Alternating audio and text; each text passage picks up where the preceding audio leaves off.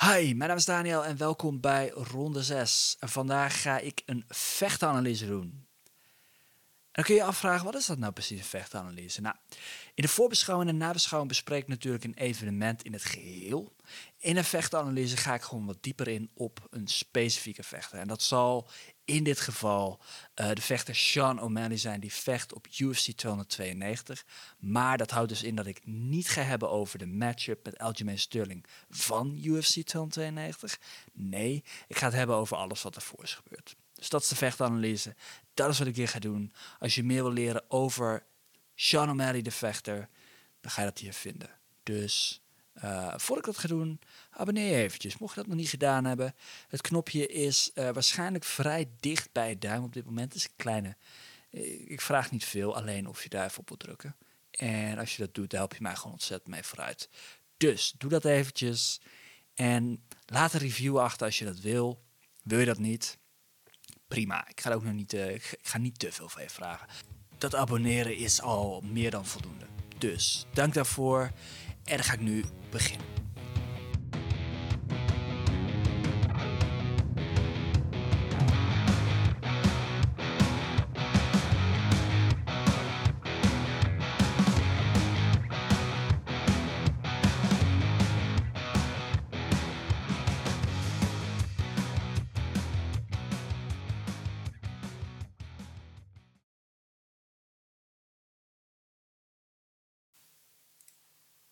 Oké, dan gaan we beginnen met de vechteranalyse Sean O'Malley.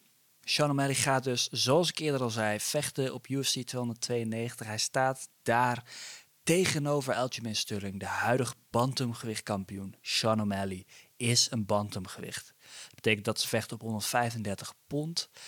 En UFC 292 gaat dus vechten voor het kampioenschap. Groot, groot moment voor Sean O'Malley. Zeker weten. Maar wie de fuck is Sean O'Malley? Als je dat niet weet, dan ga ik ervan uit dat je nog niet zo heel lang geleden uh, ja, mixed martial arts ingestapt bent. Want Sean O'Malley heeft een, redelijke splash of een redelijke indruk achtergelaten in de wereld van mixed martial arts gedurende zijn carrière. Ik denk dat het op dit moment een van de meest populaire mixed martial artists is op binnen de UFC op dit moment. Dus ja, vandaar dat ik toch denk dat het merendeel van de mensen die mixed martial arts kijkt bekend is met de naam O'Malley. Maar goed, misschien neem je ze vechten, misschien weet je het een en ander van hem, maar wie is het nou precies? Oké, op zijn zestiende startte Sean O'Malley met MMA. Schakelde zijn eerste tegenstander uit met een trap naar het hoofd. En dat niet alleen. In datzelfde gevecht landde hij ook een spinnende, een spinnende, uh, een spinnende vuist in het gezicht van zijn tegenstander. Dacht hij zijn tegenstander uitschakelen, was niet zo. Tweede ronde, trap naar het hoofd. Klaar. En Sean O'Malley heeft in een interview gezegd, hij zei...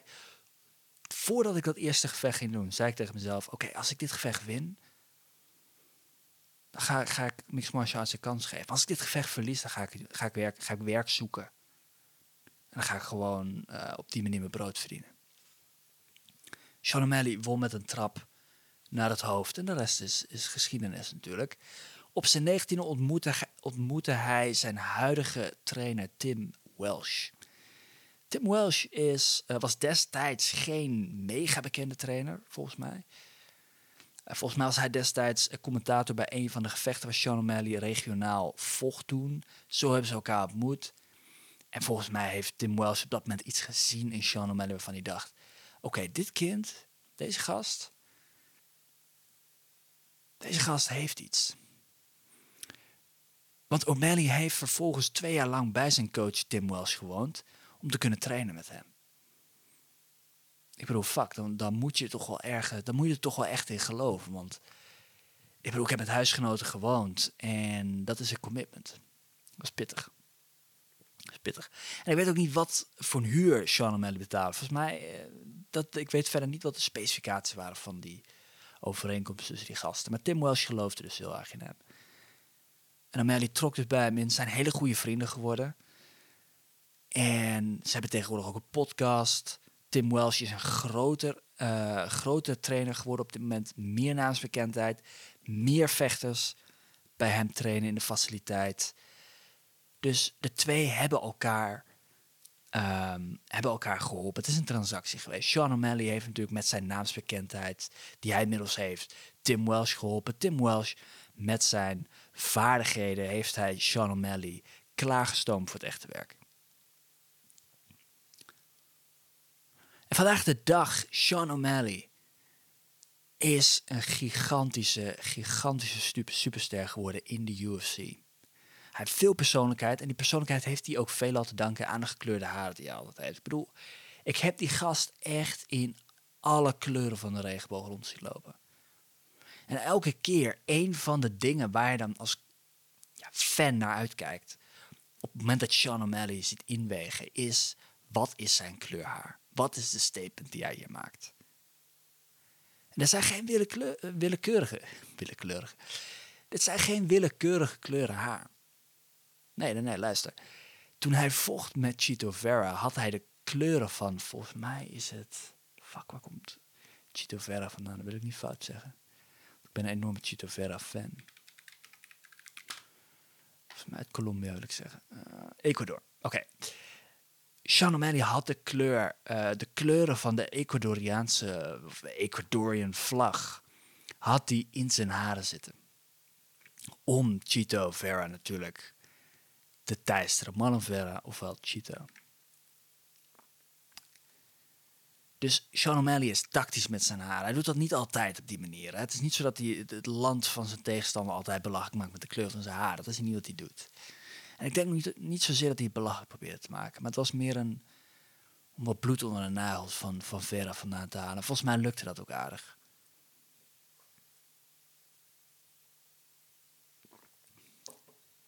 We zien dus Sean O'Malley uh, inmiddels uh, een open relatie met zijn vriendin. Is vader van uh, diezelfde dame. Maar hij is ook een feestbeest.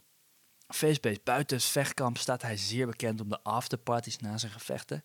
En ook omdat hij een onderdeel van zijn hele persona op Instagram is ook dat hij uh, jointjes loopt te roken tijdens zijn trainingen en weet ik veel wat. Hij is een hele erg. Um, ja, hij pleit heel erg voor uh, het, het, roken van, van, van wiet en weet ik veel wat allemaal. Dus, um, en, ja, volgens mij zijn hij en zijn coach heel erg into die natuurlijke stimulansen. Hè? Dus dan hebben we het over wiet, dan hebben we het over uh, paddo's, dan hebben we het over. Ik heb wel eens wat podcasts van hun geluisterd. En het gaat ook best wel vaak over die subst uh, subst substanties. Dus het gaat best wel vaak over, oh, ik heb dit gebruikt en volgens mij doet dat echt heel veel met mijn mindset en dit en dat. Dus zij geloven daar heel erg in. Maar goed, Sean O'Malley is dus, zoals ik al zei, een superster geworden. En waarom? Zijn persoonlijkheid. Het zijn niet alleen de gekleurde haren. Het is niet alleen die jointjes. Het is niet alleen het feit dat het zo'n feestbeest is. Maar ook als hij de microfoon in de handen heeft, dan zegt hij dingen die niet per se. Hij is niet iemand als Conor McGregor. Hij, hij is niet zo vlot met de woorden als Conor McGregor. Als je Sean O'Malley in een persconferentie ziet, en je ziet hem bijvoorbeeld een beetje sparren met uh, Cody Garbrandt in, de, in een eerdere persconferentie. Dan zie je niet dat Sean O'Malley een, een overheersende persoonlijkheid is die daar boven iedereen staat. En met hele kundige uh, weerwoorden constant terugkomt op, op, op de mensen daar. Dat, dat is niet wat hij doet. Ik denk dat hij ergens gewoon heel erg zichzelf is. En dat mensen dat gewoon interessant vinden. Want het punt is, hij heeft een bijzondere mindset. Hij is iemand die hele gekleurde tatoeages heeft, heel gekleurd haar, heeft heel erg, hij heeft heel erg veel. Pff, die gast loopt met een, met een, met een, met een pak aan zonder overhemd en loopt in de blote pas buiten. Het is heel erg. Hij, heeft, hij leeft een beetje dat hip-hop hip-hop stijl leven. Weet je, die 669 rappers, weet je, die beetje die, die jongere rappers die opkwamen, heel kleurrijke tatoeages overal, dit en dat. En heel, dat is een beetje Sean O'Malley. ik denk dat hij dat ook repre representeert in, in de mixed martial arts community. En ik denk dat er een hele grote groep is die dat gewoon cool vindt dat hij dat doet. En ergens is het ook te respecteren. Dat hij gewoon zo zijn eigen ding doet. En zo het ding doet wat hij denkt dat, uh, dat, dat, dat, dat, dat mensen aantrekt. En het werkt. Laten we het daarop houden. Ik denk, nogmaals, denk niet dat het zo werkt als dat dat hij dit op hetzelfde niveau zit als iemand als Conor McGregor of iemand als Israel Adesanya. Dat, dat, dat denk ik nu nog niet.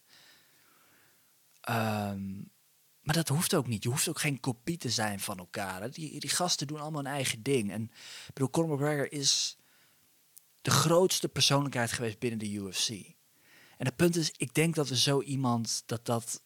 Eh, ik denk dat dat ik denk dat de sterren gewoon op één lijn stonden en dat het gewoon allemaal zo moest zijn. En dat is, dat is Conor McGregor geweest. En ik denk dat de mensen die hierna komen kijken naar Conor McGregor en denken van... dat kan ik eruit plukken en dat wil ik gewoon mijn eigen maken. En ik denk dat dat is wat Sean O'Malley doet. Maar goed, hij heeft dus ook een podcast en is daar heel erg... Ja, samen met Tim. En het, het is... Daar maakt hij ook, bouwt hij ook persoonlijkheid mee op. Hij zegt daar dingen... Hij bespreekt bepaalde onderwerpen, hij analyseert bepaalde vechters eh, of gevechten. Het is allemaal niet super diepgaand. hij, is, hij kan bepaalde technische dingen goed oppakken, hoor, begrijp me niet verkeerd. Maar het is niet dat hij ergens heel diep analytisch op ingaat. Ik denk dat zijn coach daar misschien net wat beter in is. Maar het punt is met die podcast, het is echt een goed ding dat hij en zijn coach die podcast zijn begonnen en dat ze hun persoonlijkheid naar buiten hebben gekregen. Want het heeft heel veel gedaan voor hun naam, volgers, etc. Prima. Alleen het is ook een nadeel geweest, want ze zijn ook regelmatig in het nieuws geweest dat ze dingen hebben gezegd op die podcast die gewoon niet konden.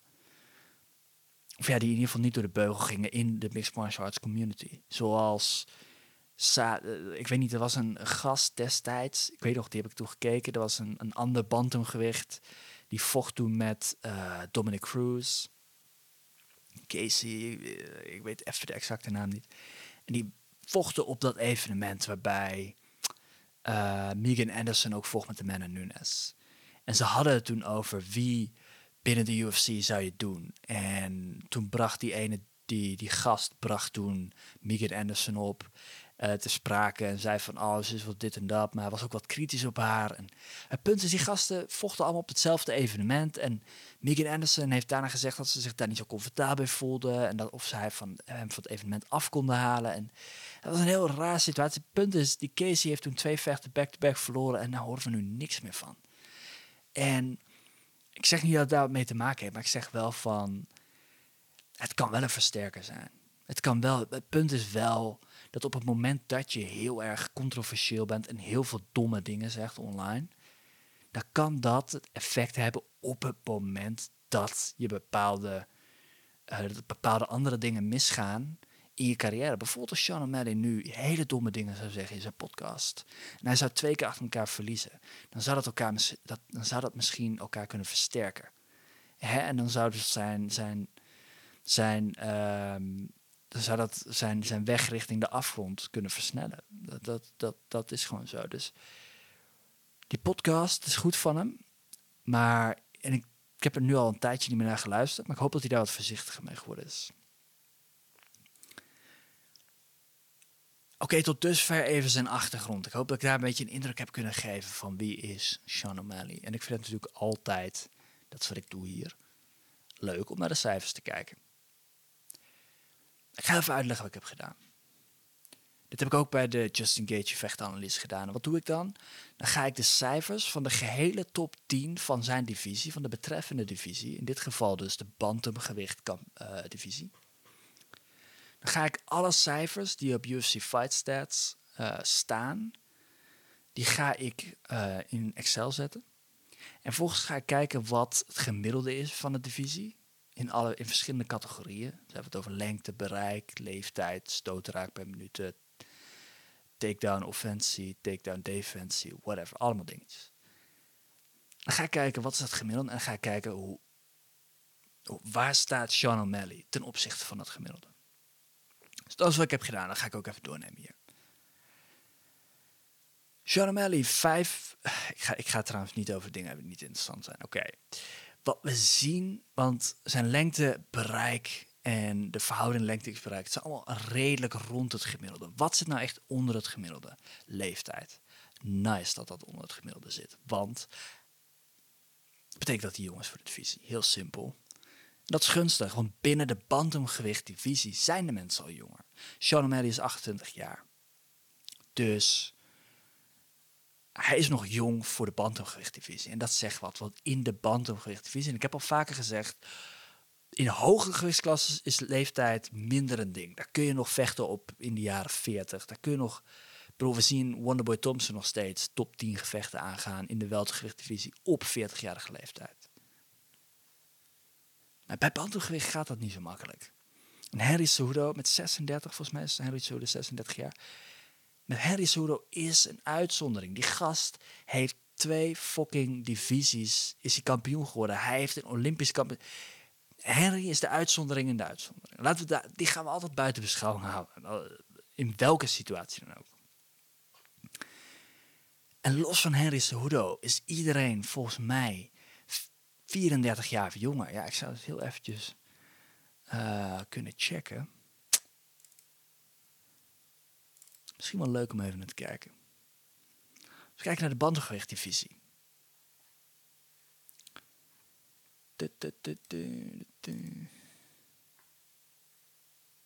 Uitzoomen. Bantamgewicht divisie. Leeftijd. Sterling 34. Dvalishvili 32. O'Malley 28. Dan heb je Cejudo 36. Dan heb je Piotr of Sandhagen 31. Sandhagen 31, Jan 30, Vera 30. Font 36, ook aan de oude kant. Maar goed, die heeft laatst wel verloren van Sandhagen. Yadong 25, holy shit, die gast jong nog steeds zeg. Jong Yadong. uh, even kijken hoor, waar was ik gebleven? Cruise 38. Maar goed, die, zeg je, zie je natuurlijk ook al langzaamaan uh, hè, met, met één been buiten, buiten, de, buiten de supporters. Munoz 36 vecht ook op, uh, op UFC 292. Interessant. Nurmagomedov 27. Dus je ziet lager de divisie zie je wat outliers. 36, 38, 36. Maar over het algemeen in de top van de divisie is de leeftijd gewoon een stuk lager. En dan zie je het rond de 30, zie je ze allemaal een beetje dobbelen. En Sean O'Malley zit daar mooi nog aan de juiste kant van 30, 28. Dus um, leeftijd ondergemiddeld, nice. Stoten raakt per minuut. Nou, dan gaan we gelijk naar het grootste punt, het grootste belangrijke punt eigenlijk van deze hele analyse ongeveer. Stoten raakt per minuut. Sean O'Malley scoort 150%. Dat betekent dat hij 50% boven gemiddeld scoort met zijn stoten per minuut. En dat niet alleen. O'Malley staat op nummer 7 in de ranglijst van de UFC. Met de hoogste output per minuut. Hij staat boven Justin Gaethje en Justin Gaethje staat op nummer 8. En ik heb al vaker gezegd, Justin Gaethje heeft een gigantisch hoge output. Weet je het punt is? Justin Gaethje heeft niet alleen een hoge output, maar die incasseert ook enorm veel stoten. Sean O'Malley daarentegen, die scoort maar 4% boven het aantal stoten grapsbeer per minuut. Dus hij deelt veel meer stoten uit en incasseert helemaal niet zo heel veel meer boven gemiddeld. Dus dat is heel gunstig en heel interessant aan Sean O'Malley's vechtstijl. Is dat zijn output is hoog, zijn precisie is hoog maar hij krijgt daar niet heel veel, veel extra schade voor. En dat is iets wat bij Justin Gaethje heel erg is. Justin Gaethje, om veel stoten te landen, moet hij ook binnen het bereik komen van tegenstanders. En raken zijn tegenstanders hem ook gewoon heel veel. Sean O'Malley, en dit zal ongetwijfeld met zijn lengte te maken hebben. Sean O'Malley is lang. Hij heeft gigantisch lange benen. Hij heeft langere benen dan Stipe Miocic. Denk daar maar eens over na. Zwaargewicht Stipe Miocic. Sean O'Malley heeft langere benen en met die benen kan hij zijn tegenstanders op afstand houden. Dus de lengte speelt hier zeker een rol. En niet alleen de lengte, is er. Maar hij weet zijn lengte in te zetten. Dat is wat deze cijfers zeggen. Want soms zie je vechters die in een divisie die lang zijn. Bijvoorbeeld Stefan Struve. Stefan Struve heeft natuurlijk gevochten in de UFC op zwaargewicht. Dat was de langste zwaargewicht. Volgens mij alle tijden. Het punt is, Stefan wist zijn lengte niet in te zetten tegenover zijn tegenstander. En het kan te maken hebben met van alles. Ik bedoel, als je zo lang bent, pak het, dan kan er van alles gebeuren. eh, weet ik veel. Maar voor hem was het niet per se een gigantisch voordeel. Ja, hij heeft Stipe Miocic ooit een keer in zijn carrière verslagen. Maar hij heeft zoveel daaromheen. Zijn, er zijn zoveel momenten geweest dat hij die lengte niet heeft weten te benutten. Consistent. Sean O'Malley doet dat wel. Die benut zijn lengte consistent. Dat wat deze cijfers zeggen. Oké. Offensief worstelen, 110%. Dat scoort, dat is hoger dan ik dacht. Dat betekent dat hij 10% boven het gemiddelde zit. Terwijl we Sean bijna nooit zien worstelen. Het gaat over percentages. Dat betekent het aantal pogingen ten opzichte van het aantal dat hij landt. En aan- aangezien het aantal pogingen van Sean O'Malley niet heel hoog is, is het ook niet heel verbazend, verbazingwekkend dat dit, eh, dat, dat, dat cijfer dan boven gemiddeld. Want stel dat hij in totaal zes eh, takedowns heeft geprobeerd te landen. En hij heeft in totaal van de zes heeft hij er vier geland. Over zijn hele carrière. Ik zeg maar wat hè. Dan is dat, als, dan is dat technisch gezien natuurlijk, hè, dan heeft hij meer dan de helft van zijn, eh, van zijn takedowns geland. Maar het aantal takedowns is, is dusdanig laag dat, dat het cijfer niet zoveel zegt. Defensief, 83%, dus defensief op het gebied van worstelen. Scoort Sean O'Malley ondergemiddeld. Oké, dat is interessant. Voor de divisie, hè, voor de bandengewichtdivisie.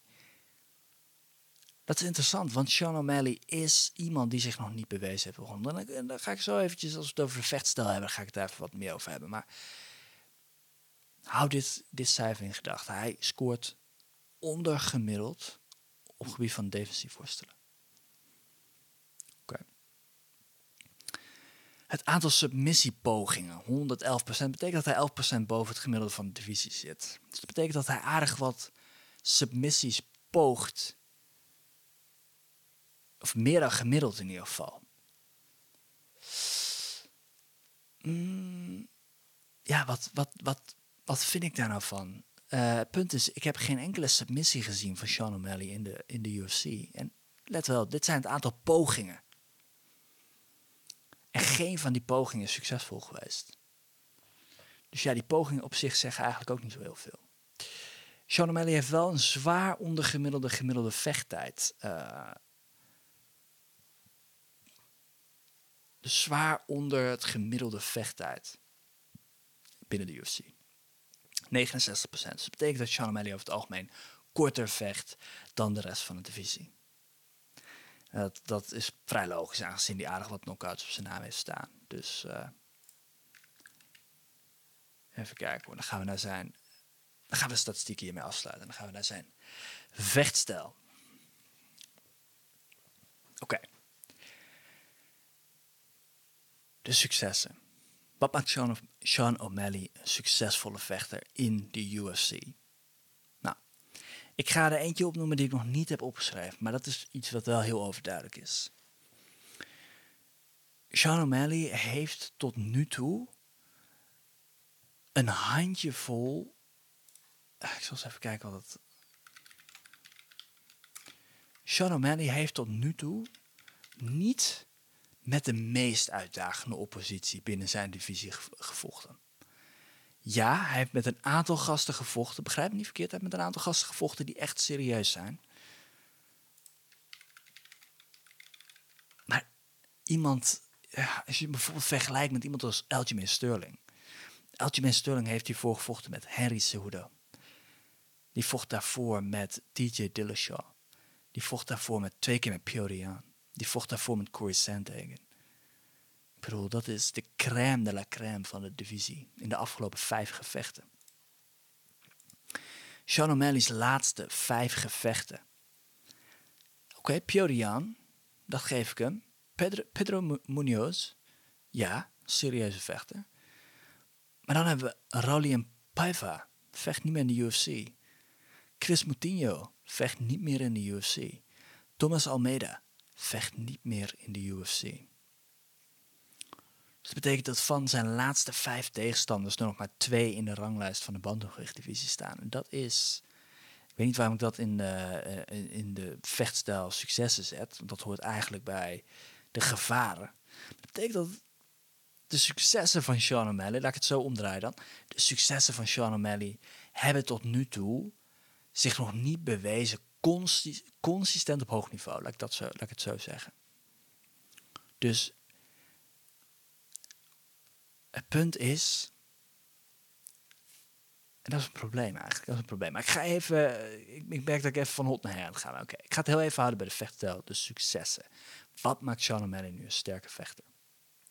Maar hou wel in je achterhoofd dat hij dus, dat het niveau van oppositie niet gigasterk is geweest tot nu toe. En dat dat misschien een van de redenen is waarom hij op dit moment een hele succesvolle vechter is. Dat is wat ik ermee wilde zeggen. Het schiet me nu weer binnen en ik, ik gooi het er op die manier even uit. Oké. Vechtstijl successen. Nummer 1 zijn output. Sean O'Malley heeft een hoge, hoge output. Hij kan flink, flink wat stoten naar buiten gooien. Zonder dat hij zichzelf per se giga erg vermoeit. Ik bedoel, dat gevecht met, met Chris Moutinho. Ik bedoel, eh, ik denk dat we allemaal wel daarnaar keken en dat we echt dachten van, wat gebeurt hier toch? Maar de commentators in dat gevecht zeiden ook dat Sean O'Malley op dat moment een uitzonderlijk hoge output heeft geland. En dat dat er eentje was voor de recordboeken. Laten we eens even kijken naar de cijfers. Als we kijken, Sean O'Malley landde in dat gevecht 230 van de 318 stoten. Dat is een hoge, hoge output. Dus Sean O'Malley heeft een hoge output. Heeft wat dat betreft een behoorlijk goede conditie. Want als je drie rondes lang zo consequent zoveel stoten um, kan blijven landen, dan, ja, dan dat, dat, dat zegt wat over je, over je conditie, zeker weten. Zeker weten. En dat hij op het einde naar de klok zat te kijken, dat hij moe was, is gewoon logisch. Want bij zo'n hoge output, dan zou elke vechter wel even naar de klok kijken en denken van, oh, jezus, ik, uh, hoe lang moet ik nog? Uh, ik heb zin in een biertje. Hm? Dus, dat wil ik daarmee zeggen. Oké, tweede succes, wisseltechniek. Sean O'Malley op de voeten. En dat ga ik straks ook nog zeggen. Het is een killer. Het is een sniper op de voeten. Het punt is, het voordeel van de wisseltechniek is dat hij zijn tegenstanders constant verward. Hm? Want op het moment dat een tegenstander, en, en Sean O'Malley staat orthodox, en zijn tegenstander is zich aan het voorbereiden op een orthodoxe stoot. Sean O'Malley zet één stap vooruit, staat vervolgens uh, southpaw. Ja, dan heeft zijn tegenstander ineens, staat hij niet op de correcte manier, moet hij op een andere manier gaan verdedigen. En dat geeft hem heel veel. De tegenstander van Sean O'Malley geeft diegene, dat geeft de tegenstander van Sean O'Malley gewoon heel veel om over na te denken. En dat maakt de wisseltechniek op dit moment een hele, hele gevaarlijke uh, vaardigheid voor vele tegenstanders. En als ik heel eerlijk moet zijn, denk ik ook dat we langzaamaan naar een tijdperk gaan waar de wisseltechniek, hè, de houding wisseltechniek in een gevecht, dus waarbij je sterk bent op zowel orthodox als southpaw, de tijdperk komt dat we daar langzaam heen gaan. Dat mensen zich op moeten voorbereiden. Dat er niet meer het een of het ander is. Maar dat beide gewoon even sterk moeten zijn. De, je ziet nu vechters als Sean O'Malley daar gewoon enorme voordelen mee behalen. En je ziet tegenstanders daar gewoon heel erg mee, mee worstelen. Sean O'Malley heeft een dynamische vechtstijl. Zoals ik al zei bij de output. Die gast... Het is, het is niet alleen dat hij bijvoorbeeld 230 jabs en rechte stoten probeert te landen. Dat is niet wat Sean O'Malley doet. Nee, nee, nee. Daar zitten spinnende trappen in. Daar zitten spinnende ellebogen in. Daar zitten spinnende vuisten in. Daar zitten, uh, nou, uh, weet ik veel wat allemaal. Daar zitten vliegende knieën. Die gast die, die, die werpt aardig wat. Dus dat maakt het ook een dynamische vechter. En in combinatie met de wisseltechniek maakt het dan ook een hele onvoorspelbare vechter.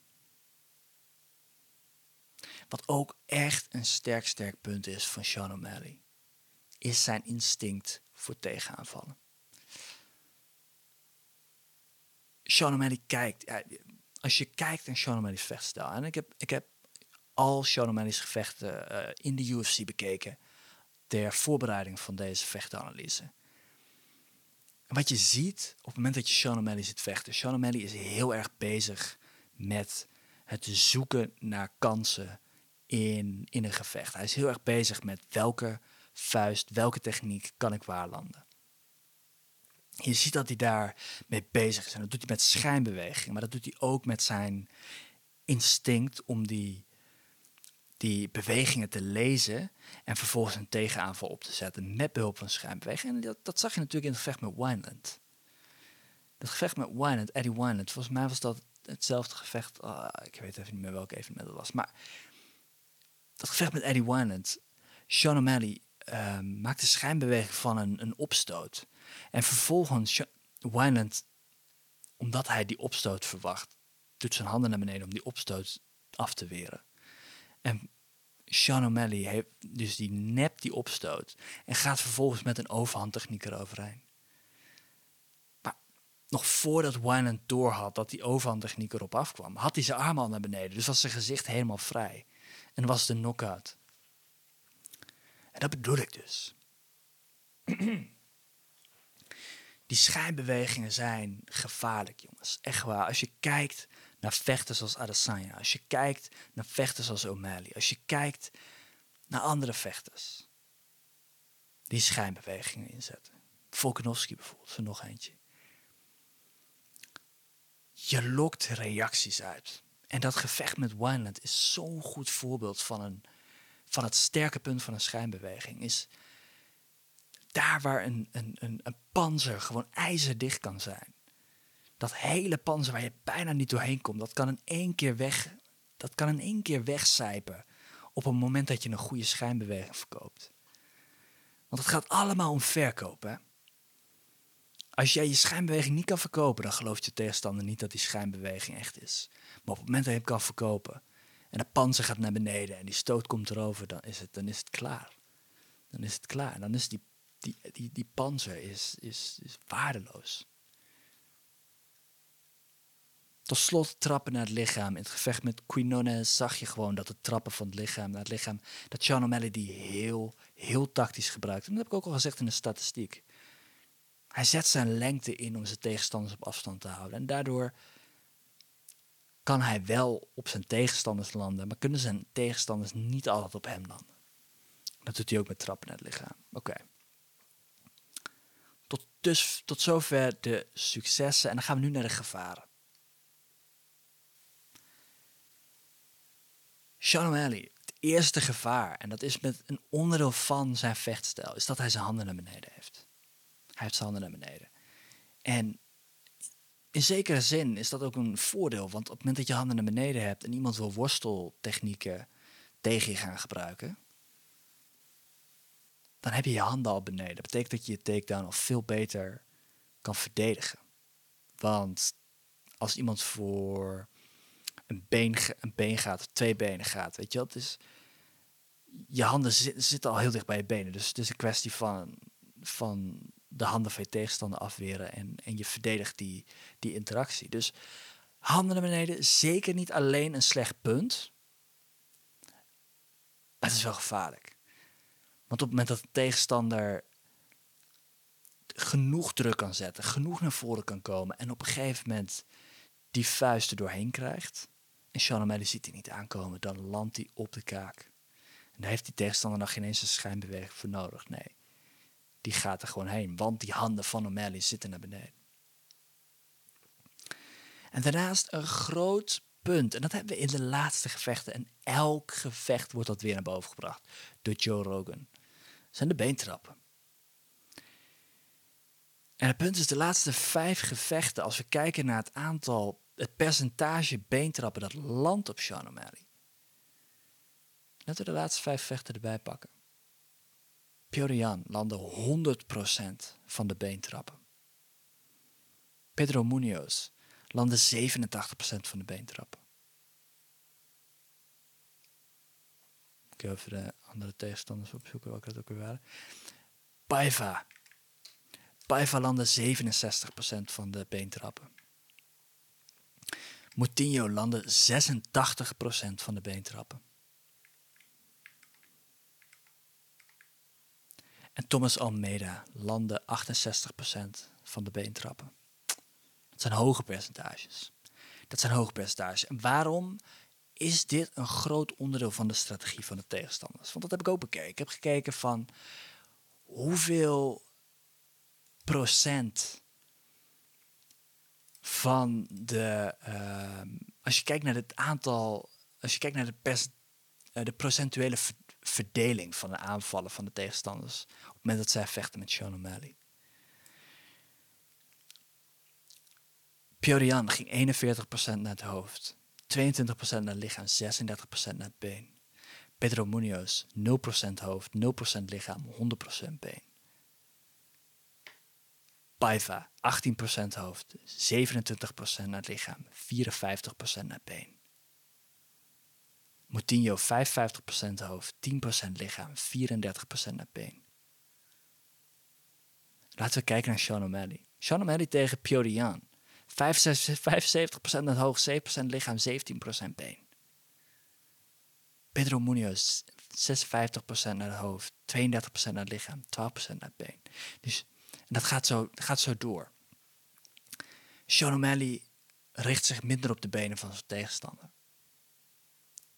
Terwijl zijn tegenstander zich heel erg richt op de benen van Sean O'Malley. Maar goed, ik geef hem credits. Hij heeft de afgelopen vijf tegenstanders heeft hij allemaal verslagen. En, en al die tegenstanders zijn naar been gegaan. Alle tegenstanders proberen te produceren wat Chito Vera heeft geproduceerd in het gevecht tussen hem en Sean O'Malley. En wat gebeurde daar? Sean O'Malley kreeg een, een trap tegen de, tegen de kuiten. En zijn been eh, viel in slaap. Vervolgens ging hij naar de grond. Chito Vera, of Vera, die ging naar de grond, schakelde hem uit met stoten en kreeg een technische knockout op zijn naam. Over Sean O'Malley. En sindsdien hebben al zijn tegenstanders geprobeerd, alle tegenstanders van Sean O'Malley hebben dat geprobeerd te herproduceren. Het is niet gelukt. Maar het feit dat Sean O'Malley nog steeds zo weinig ehm, doet aan beentrapdefensie, dat, dat valt me gewoon heel erg op. Dus dat is zeker een gevaar. En wat is nog meer een gevaar? Sean O'Malley is offensief met submissies, maar hij landt ze niet. Hij landt ze niet. En dat geeft mij gewoon heel veel vraagtekens over zijn grondvaardigheden. En waarom? We hebben, we hebben Jan successen zien behalen. Jan heeft hem een aantal keer naar de grond gegeven. Overigens, ik, ik ga hier iets zeggen. Misschien is het heel controversieel. Maar ik dacht dat Piodian dat gevecht gewonnen had. Ik gaf Piodian zeker ronde 1 en 2. Ik gaf Sean O'Malley misschien ronde 3. Maar fucking hell, ik had het idee, ik, ik had misschien wel alle drie rondes aan Piorian kunnen geven. Maar goed, er was mm, Sean O'Malley landde een stoot en, dan ging een gi- giga wond open bij Jan in de laatste ronde. Dus oké, misschien die laatste ronde is voor, Jan, is, voor- Sean O'Malley. Ik gaf die eerste twee rondes zeker aan Piorian.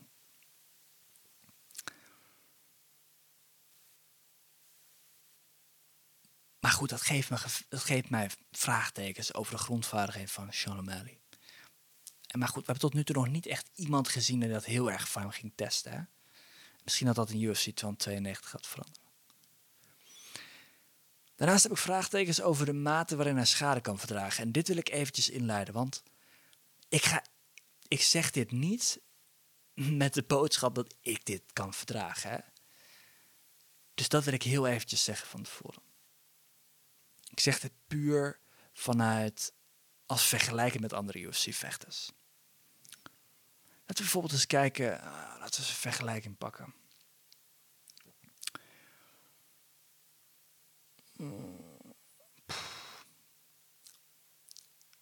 Er zijn bepaalde vechters, bijvoorbeeld Harry Souda. Harry Souda in het tweede gevecht met Demetrius Johnson. Volgens mij was het tweede gevecht. Toen kreeg hij ook een trap tegen het been, wat ervoor zorgde dat zijn been in slaap viel. En hij bleef doorvechten. Hij bleef doorvechten en dus uiteindelijk heeft hij gewonnen. Sean O'Malley ging naar de grond. Sean O'Malley greep gelijk naar zijn benen. Was, ah, ah. Sean O'Malley moest met een brancard uit de octagon vervoerd worden. Nogmaals, als ik één of twee beentrappen zou krijgen van Chito Vera, dan zou ik ook naar de grond gaan. En dan zou ik nog veel harder janken dan Sean O'Malley deed in de octagon toen. Maar als ik het vergelijk met andere vechters, dan zet ik vraagteken bij de mate waarin Sean O'Malley schade kan verdragen. Dat is gewoon zo. Tot slot verbrandt hij veel energie door een hoge output. Hij heeft geen vijf ronde ervaringen. Dat, wat we met Moutinho zagen is natuurlijk, hij ging drie rondes hard. Maar wat gebeurt als hij vijf rondes moet gaan? Weet hij dan die conditie te verdelen? Weet hij dan die output te verdelen? Ik ben heel nieuwsgierig. Dat is nog heel, hier zijn nog heel veel uh, vraagtekens over. Er zijn nog geen. Want in de toekomst kan het allemaal ja, bewezen worden of, of tegen, tegenbewijs geleverd worden. En dan kan naar buiten komen dat ja, Sean O'Malley uiteindelijk gewoon fantastisch goede conditie heeft. En dat die, die output die hij bij Moutinho had, bijvoorbeeld vijf rondes door kon zetten. Of dat hij die output kon verdelen over vijf rondes. Dat kan allemaal gebeuren. Maar tot nu toe heb ik hier nog veel vraagtekens over.